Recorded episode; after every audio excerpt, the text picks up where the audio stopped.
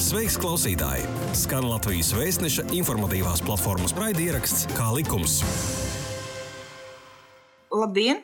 Skan oficiālā izdevēja Latvijas vēstneses raidieraksts Kā likums. Mani sauc Ines Helmane, un šodien studijā esmu aicinājusi zvērnāt notāri Evu Igaunu Sēli. Labdien, Eva! Labdien! Šodien mūsu sarunas temats ir pilnvars. Pilnvars izsniedz visdažādākiem gadījumiem. Zvērnāt notāri Latvijā ik gadu sagatavo ap 40 tūkstošiem pilnvaru. Šodien mēs nedaudz runāsim par pilnvarām, bet mūsu galvenais sarunas temats būs nākotnes pilnvars. Tad kādus pilnvaras veidus vispār nosaka civillikums? Šobrīd civil likums paredz četrus dažādus pilnvaru veidus. Proti, tā ir speciāla pilnvara, universāla pilnvara, ģenerāla pilnvara un nākotnes pilnvarojums. Un kādos gadījumos izvēlas vienu vai otru pilnvaru veidu? Ar speciālu pilnvaru tiek uzdots vest atsevišķas un noteiktas lietas. Piemēram, nopirkt automašīnu. Savukārt, universāla pilnvara uzdot pārzināt visas pilnvarotāja lietas, izņemot tās lietas, kuras ir ļoti personiskas un pilnvarojums nav pieļaujams. Piemēram, pēc universālās pilnvaras nav iespējams taisīt testamentu vai noslēgt laulības līgumu. Savukārt, ģenerāla pilnvara uzdot pārzināt, likums saka, tikai zināmas šķiras lietas. Tas varētu būt, piemēram, nopirkt konkrētu dzīvokli, noslēgt šī dzīvokļa apsaimniekošanas līgumu, izīrēt, pārdot vai ieķīlāt, tātad rīkoties ar vienu konkrētu objektu. Savukārt nākotnes pilnvarojums paredz, ka pilnvarnieks ir tiesīgs pārstāvēt pilnvardevēju situācijā, kad viņš veselības vai citu iemeslu dēļ būs zaudējis spēju saprast un vadīt savu rīcību. Sakiet, kā lūdzu pilnvaru zvērnāt notāri sagatavo pašlaik Covid laikā?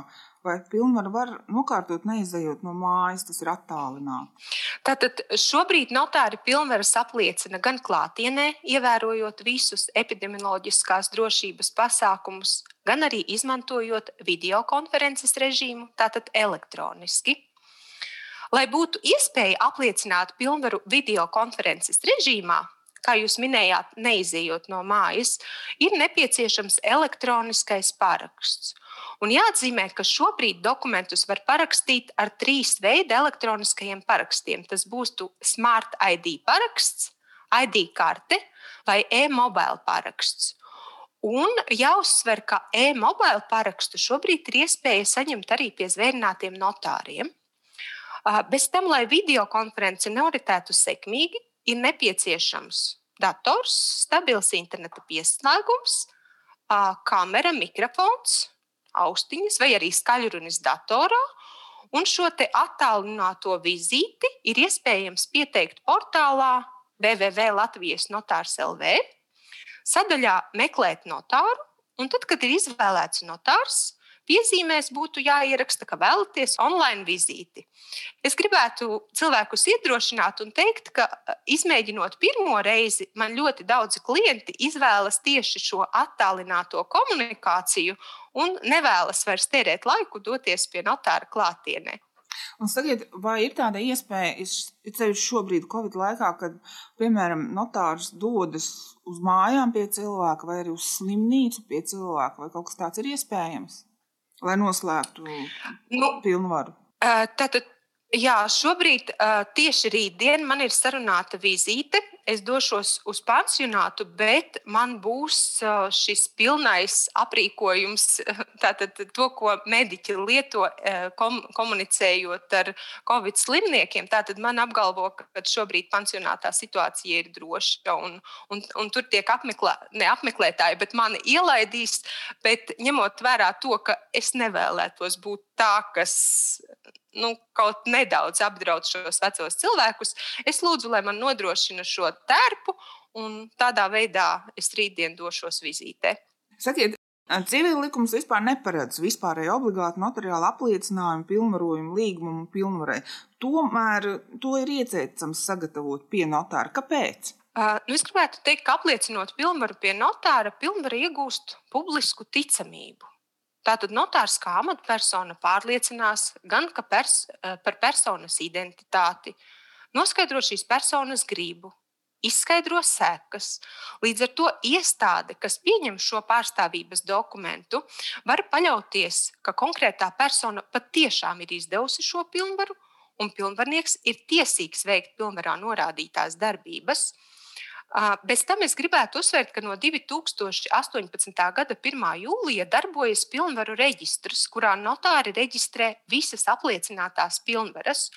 Un šai reģistrā ir iespējams noskaidrot ziņas gan par pilnvarotāju, gan pilnvarnieku, gan pilnvaras izdošanas datumu un skenētā veidā iepazīties ar pilnvaras saturu un salīdzināt, vai tas ir tas, pilnvara, tas pats saturs, ko uzdar, uzrāda iestādē, ieskanētais, vai ar kaut ko atšķirās. Nu, tad, ja kāds vēlas pārliecināties, ka pie notāra apliecinātā pilnvara ir īsta, to var izdarīt un pieprasa, pieprasot ziņas no pilnvarojuma reģistra. Tātad es domāju, ka tas ir ļoti svarīgs arguments, kāpēc vajadzētu taisīt notariālu pilnvaru. Vai ir tādi gadījumi, kad, piemēram, notariāli apstiprinātu pilnvaru pieprasa kāda konkrēta iestāde savādāk? Tā nemaz tā nepieņem šādu pilnvaru, neatzīst. Ja tas tā nevarētu būt bankas. Tātad likumā nav noteikts, ka ir obligāts notariāls apliecinājums, bet bankas tātad drošības labad pieprasa notariāli apliecinātas pilnvaras. Ir atsevišķi pilnvaras, kuras notariālu apliecināšanu paredz arī speciālie likumi. Tā piemēram, tas ir nākotnes pilnvarojums. Sakiet, kurš likums nosaka, ka nākotnes pilnvarojumu jāapliecina notariāli? Uh, tas ir civil likums, kas nosaka, ka nākotnes pilnvarojumu taisa notariāla akta formā, personīgi klāst esot pilnvarotājiem un pilnvarniekam. Mhm. Un sakiet, kāpēc izvēlas nākotnes pilnvarojumu? Jūs teicāt, nu, jā, pilnvarotājs apzinās, ka veselības traucējumu vai citu apstākļu dēļ, vai, vai ir vēl kādi citi gadījumi? Tātad ar nākotnes pilnvarojumu cilvēks jau pats un saulaicīgi izvēlas pārstāvi un nodrošina, ja nu iestājas šī neplānotā situācija, kurā viņš vairs pats nebūs spējīgs rīkoties un izpaust savu gribu, viņa intereses jau būs aizsargātas. Ja nākotnes pilnvarojumu nav, tad ir nepieciešama iesaistīt tiesu, bāriņu tiesu, lai nodibinātu aizgādnību, ieceltu aizgādni, kurš varēs turpmāk darboties cilvēku interesēs. Savukārt ar nākotnes pilnvarojumu jau preventīvi var novērst iestāžu iesaisti privātajā dzīvē, nodrošinot ne tikai to, ka cilvēka intereses pārstāv paša šī cilvēka izraudzīts pilnvarnieks, Bet es teiktu, ka arī privātuma aizsardzību, jo to, ko pārunās notāra kabinetā, zinās notārs, pats cilvēks un šī pilnvarotā persona. Es saprotu, tad šobrīd ir īpaši aktuāli izgaismojies, ka piemēram vecākam cilvēkam, guļot slimnīcā, būtu vajadzīgs nākotnes pilnvarojums. Vai tas tā ir, ka šobrīd ir aktuāls nākotnes pilnvarojums? Uh, nu, tur būtu tā situācija jā, jā, jā, jāanalizē. Piemēram, ja cilvēks atrodas slimnīcā ar laustu kāju, tad tas nebūs pamats, lai sāktu darboties nākotnes pilnvarojums. Nākotnes pilnvarojums sāk darboties ja šim cilvēkam iestājas tāds stāvoklis, kura dēļ viņš uz laiku vai arī pastāvīgi nespēja saprast savas darbības nozīmi, nespēja to vadīt, tas varētu piemēram būt insults vai koma, kurā cilvēks nevar pieņemt lēmumus, nevar izteikt gribu. Tātad atrašanās slimnīcā vien vēl nebūs apstākļus, kad sāk darboties nākotnes pilnvarojums. Bet nu, kādam cilvēkam, kas kā, dotu to pilnvaru, saprast, kad, nu, kurā brīdī viņam būs vajadzīgs šis nākotnes pilnvarojums? Nākotnes pilnvarojums sāk darboties, ja cilvēks, kā jau likumā teikts, pats nevar vairs rīkoties, nevar pieņemt lēmumus, nevar atbildēt. Un tur, tad, tur būs jau nepieciešams ārstu komisijas atzinums, ka cilvēkam ir šāda saslimšana, kad viņš vairs nespēja pats izteikties. Un sakiet, kā tā ir šo pilnvarojumu veidu, nākotnes pilnvaru? Nākotnes pilnvarojumu var noslēgt tikai rakstveidā, un to Latvijā taisa vienīgi pie zvērnāta notāra, tātad kā notariālu aktu. Atšķirībā no citām pilnvarām, nākotnes pilnvarojuma gadījumā pie notāra obligāti ir jāierodas gan pilnvarotājiem, gan pilnvarniekam. Tātad zvērnāts notārs informē akta dalībniekus par pilnvarojuma nozīmi, par to, kā šis pilnvarojums stāsies spēkā, par to, kad pilnvarnieks drīkstēs uzsākt savu darbību. Un bez tam šo pilnvarojumu arī reģistrē nākotnes pilnvarojumu reģistrā. Es teiktu, ka arī uzņemties šādu pienākumu ir ļoti liela atbildība. Tātad notārs arī izskaidro pilnvarniekam pienākumus, ka viņam būs uzdevums darboties pilnvarotāja interesēs. Kā arī jebku, tāpat kā jebkura pilnvarojuma gadījumā, arī nākotnes pilnvarniekam ir jārīkojas tā, kā viņš rīkotos, it kā darītu pats sev, lai darbi būtu paveikti pēc iespējas izdevīgāk šim pilnvarotājiem. Un tas prasa lielu rūpību, un kā civila likums saka, būt krietnam un rūpīgam saimniekam kā arī atbildēt par katru neuzmanību. Nu, tātad, piemēram, citos gadījumos, gatavojot citu pilnvaru veidu, nav vajadzīga pilnvarnieka klātbūtne. Pietiek tikai ar pilnvarotāju, bet šo, šajā gadījumā tad ir jābūt klāt abiem, gan pilnvarotājiem, gan pilnvarniekam. Ja tā es saprotu? Jā, šajā gadījumā ir jābūt abiem klāt, jo notārs šajā brīdī arī izstāstīs, kurā brīdī sāk darboties, pie kādiem nosacījumiem varētu sākt darboties šī pilnvara, kā arī izstāstīs pienākumus pilnvarniekam un kas pilnvarniekam būtu jādara tajā situācijā, kad ir šī krīze iestājusies, ka ir šis veselības stāvoklis tik slikts, ka pilnvarnieks pats vairs nespēja darbības veikt. Tāpēc ir svarīgi, ka ir ieradusies arī otra puse, un viņš zina, kā viņam tālāk būs jārīkojas.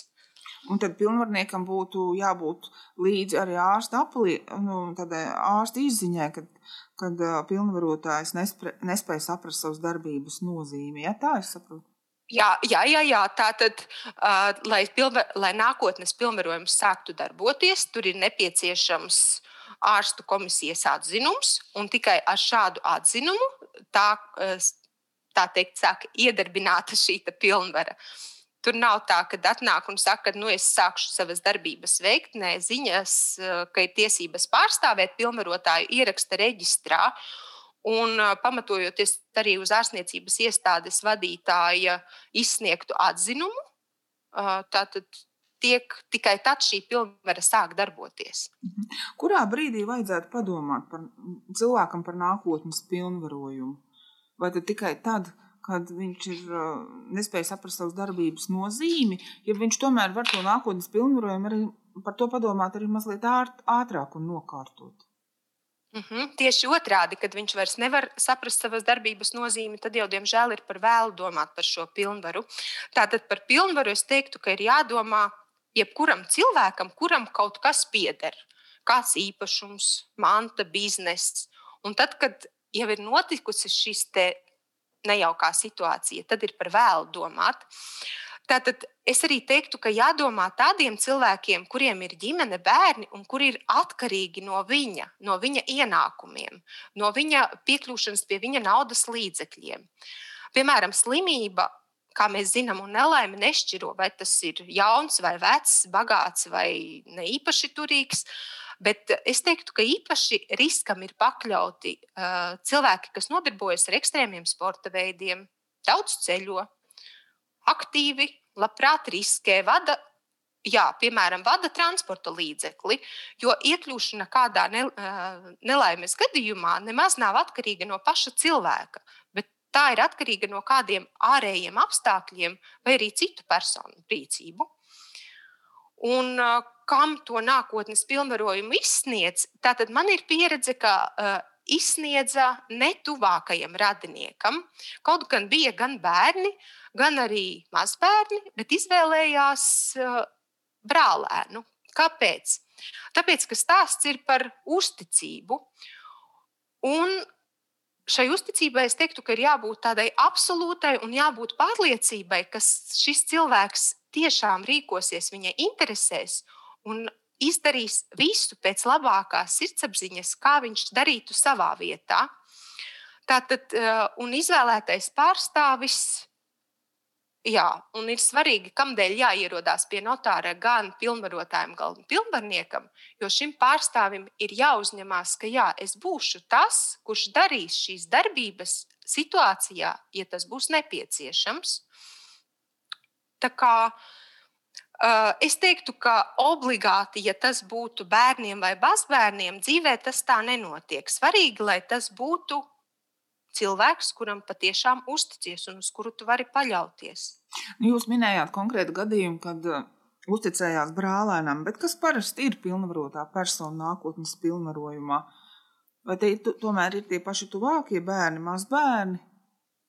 Nu, jāsaka, ka šobrīd šis pilnvarojuma veids nav sevišķi izplatīts, bet visbiežāk ir, ka tas ir nu, tuvi cilvēki, ka, ir, ka tas ir jā, kāds no bērniem, vai mazbērniem, ja uzskata, ka izglītība, piemēram, ir piemērotāka, lai varētu pārstāvēt iestādēs, pieņemt lēmumus. Tā kā diezgan bieži tas ir uh, ģimenes locekļi, bet nav nekāds retums, ka tie arī ir cilvēki no malas. Piemēram, darba kolēģi man ir ziņas, ka arī tā, tā ir uh, izvēlējies cilvēks, jo viņš viņam ļoti uzticās. Piemēram, cilvēkam, kuram nav bērnu, viņš negribētu, lai, piemēram, ja nebūtu šī nākotnes pilnvarojuma, viņš negribētu, kad bāriņtiesa kā aizgādni nelaimes gadījumā ieceļ kādu tuvāko radinieku. Viņš saka, ka es ļoti labprāt vēlētos, lai mans darba kolēģis, ar kuru mēs esam kopā strādājuši 30 gadus, kuram es patiešām uzticos, situācijā, kad es pati vairs nevarēšu pieņemt lēmumus, viņš pieņem lēmumus manā vietā. Un sakiet, un gatavojot nākotnes pilnvarojumu, ko tajā norādīt? Tāpat kā attiecībā uz jebkuru pilnvaru, bet jo īpaši slēdzot nākotnes pilnvarojumu, svarīgi ir ievērot vairākus būtiskus principus. Tātad nākotnes pilnvarojumā persona var brīvi izvēlēties dokumenta saturu, taču tam ir jābūt ļoti skaidri formulētam, jo dokuments tiks izmantots tad, kad personas spēja patstāvīgi pieņemt lēmumus, saprast un rīkoties jau būs ierobežota. Tāpēc šo pilnvarojuma apmēru un būtību ir svarīgi gan izrunāt ar notāru, gan arī ar pilnvarnieku. Nu, tradicionāli es teiktu, ka nākotnes pilnvarojums attiecas uz saimniecisko un finansiālo darbību, taču aizvien biežāk ir tas, ka uh, cilvēki arī domā par veselību un labklājību. Piemēram, ja ārstēšanās rezultātā ir jāpieņem kāds lēmums, tad šis pilnvarnieks ir tiesīgs pieņemt lēmumu viņa vietā. Tātad Latvijā arī cilvēki nodot ārkārtīgi būtiskus jautājumus. Piemēram, cilvēks saka, ja es būšu slims, tad tev ir jāpārdod mans dzīvoklis, lai varētu, piemēram, ieguldīt šos pārdotos naudas līdzekļus manā ārstēšanā. Arī personisko tiesību jomā, kā jau minēju, izvēlēties ārstniecību, saņemt sociālos pabalstus, izvēlēties dzīves vietu. Tātad tās ir visas lietas, par ko jau cilvēks var domāt, rakstot nākotnes pilnvarojumu. Cik detalizēti būtu jānorāda jebkura darbība, piemēram, saņemt pensiju vai internetbankā samaksāt rēķinu?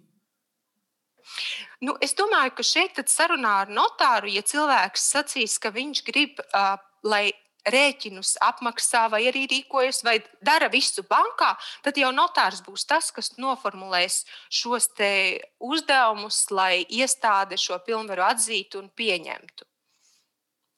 Tātad cilvēkam ir svarīgi, uh, izdodot pilnvaru, saprast, kādas darbības. Tātad, ja viņš minēs, tā būs banka, ārstniecība, tos formulējumus un, un, un jā, tos palīdzēs notārs noformulēt to. Galvenais, lai ir izdomāti šie lielie bloki, kas ir nepieciešams kādās, darbība, kādās dzīves jomās pārstāvēt. Nu, kādas darbības parasti iekļauj pilnvarā? Kādi ir šie lielie bloki?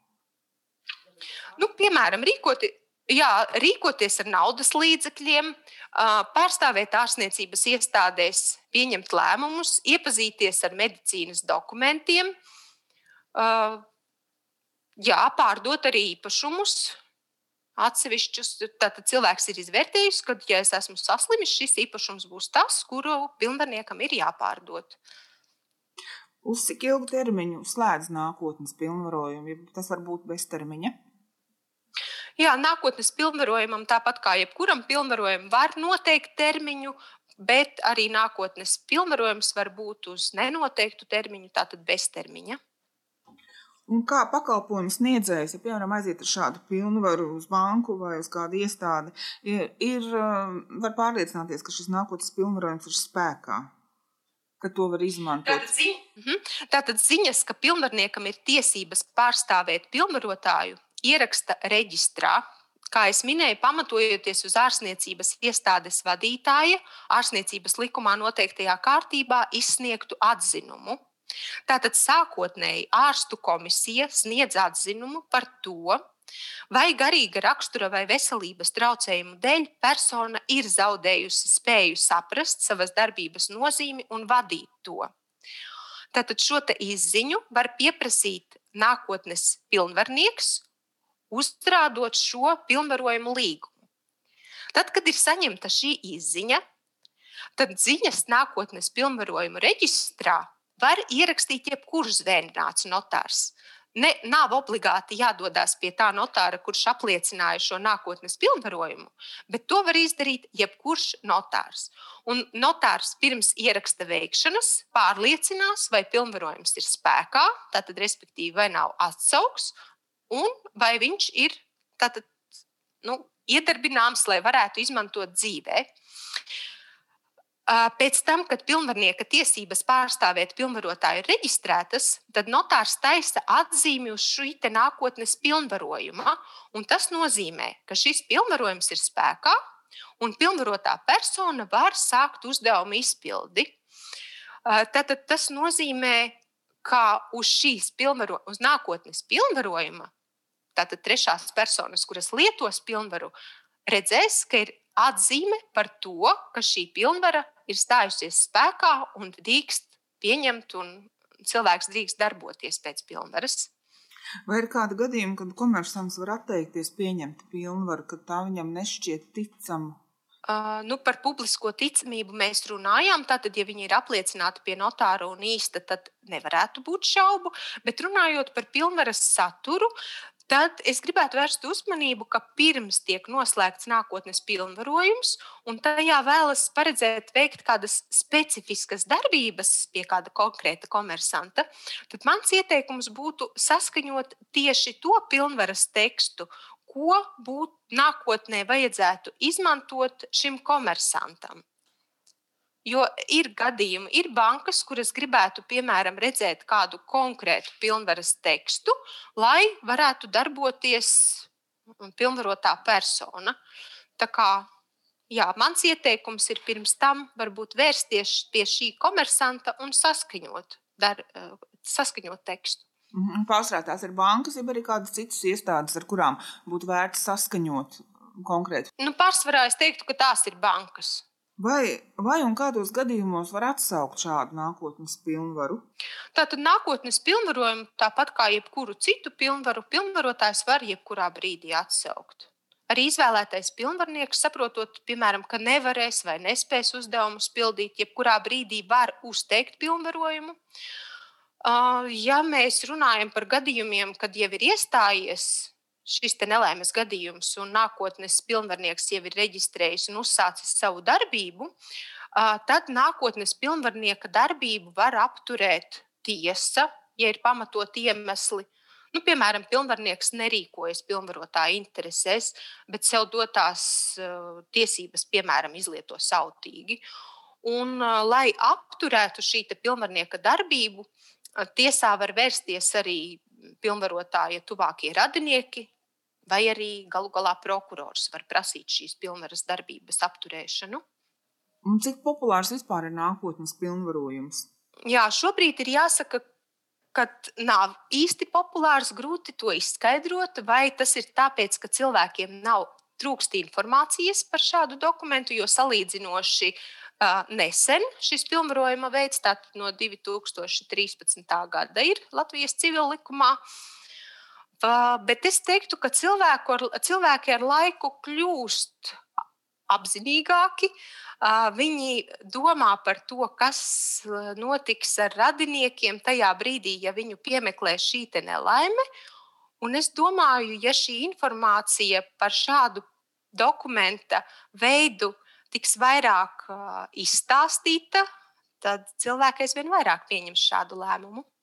Varbūt jūs, Izdot nākotnes pilnvaru. Jā, varbūt jūs no savu, savas prakses varētu pastāstīt kādu gadījumu, kad klāji redzams, ka ir nepieciešams nākotnes pilnvarojums un tieši jāizvēlas nākotnes pilnvarojums, nevis kāds cits pilnvaru veids. Nu, visbiežāk tas ir šis insults, kad cilvēks, nu, jāsaka, ka tas jau ir situācijā, kad cilvēks vairs nevar pateikt, ko viņš grib. Tātad ir, es saprotu, ka šī slimība ir tāda, ka cilvēks saprot, bet viņš nevar vairs izteikties. Un šajā brīdī, ja būtu noslēgts nākotnes pilnvarojums, tad tas būtu tā, tas dokuments, ko radinieki izmantotu tajā brīdī, kad ir nepie, nu, šāda nepieciešamība radusies. Un, jā, praksē diezgan bieži ir jāstāsta, ka nu, jums šobrīd, diemžēl, pilnvaru izdot vairs nevar. Ja ir iestājusies eh, jau šī slimība, tad jums ir jādodas uz tiesu, jādibina aizgādnība un jāieceļ aizgādnis.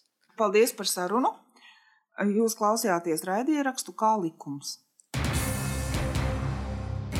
Šī bija iknedēļas pusstunda kopā ar oficiālā izdevēja Latvijas vēstneses informatīvās platformas raidierakstu Kā likums. Pastāsti citiem, ja bija noderīgi un interesanti. Kā likums, tiekamies ik trešdienu!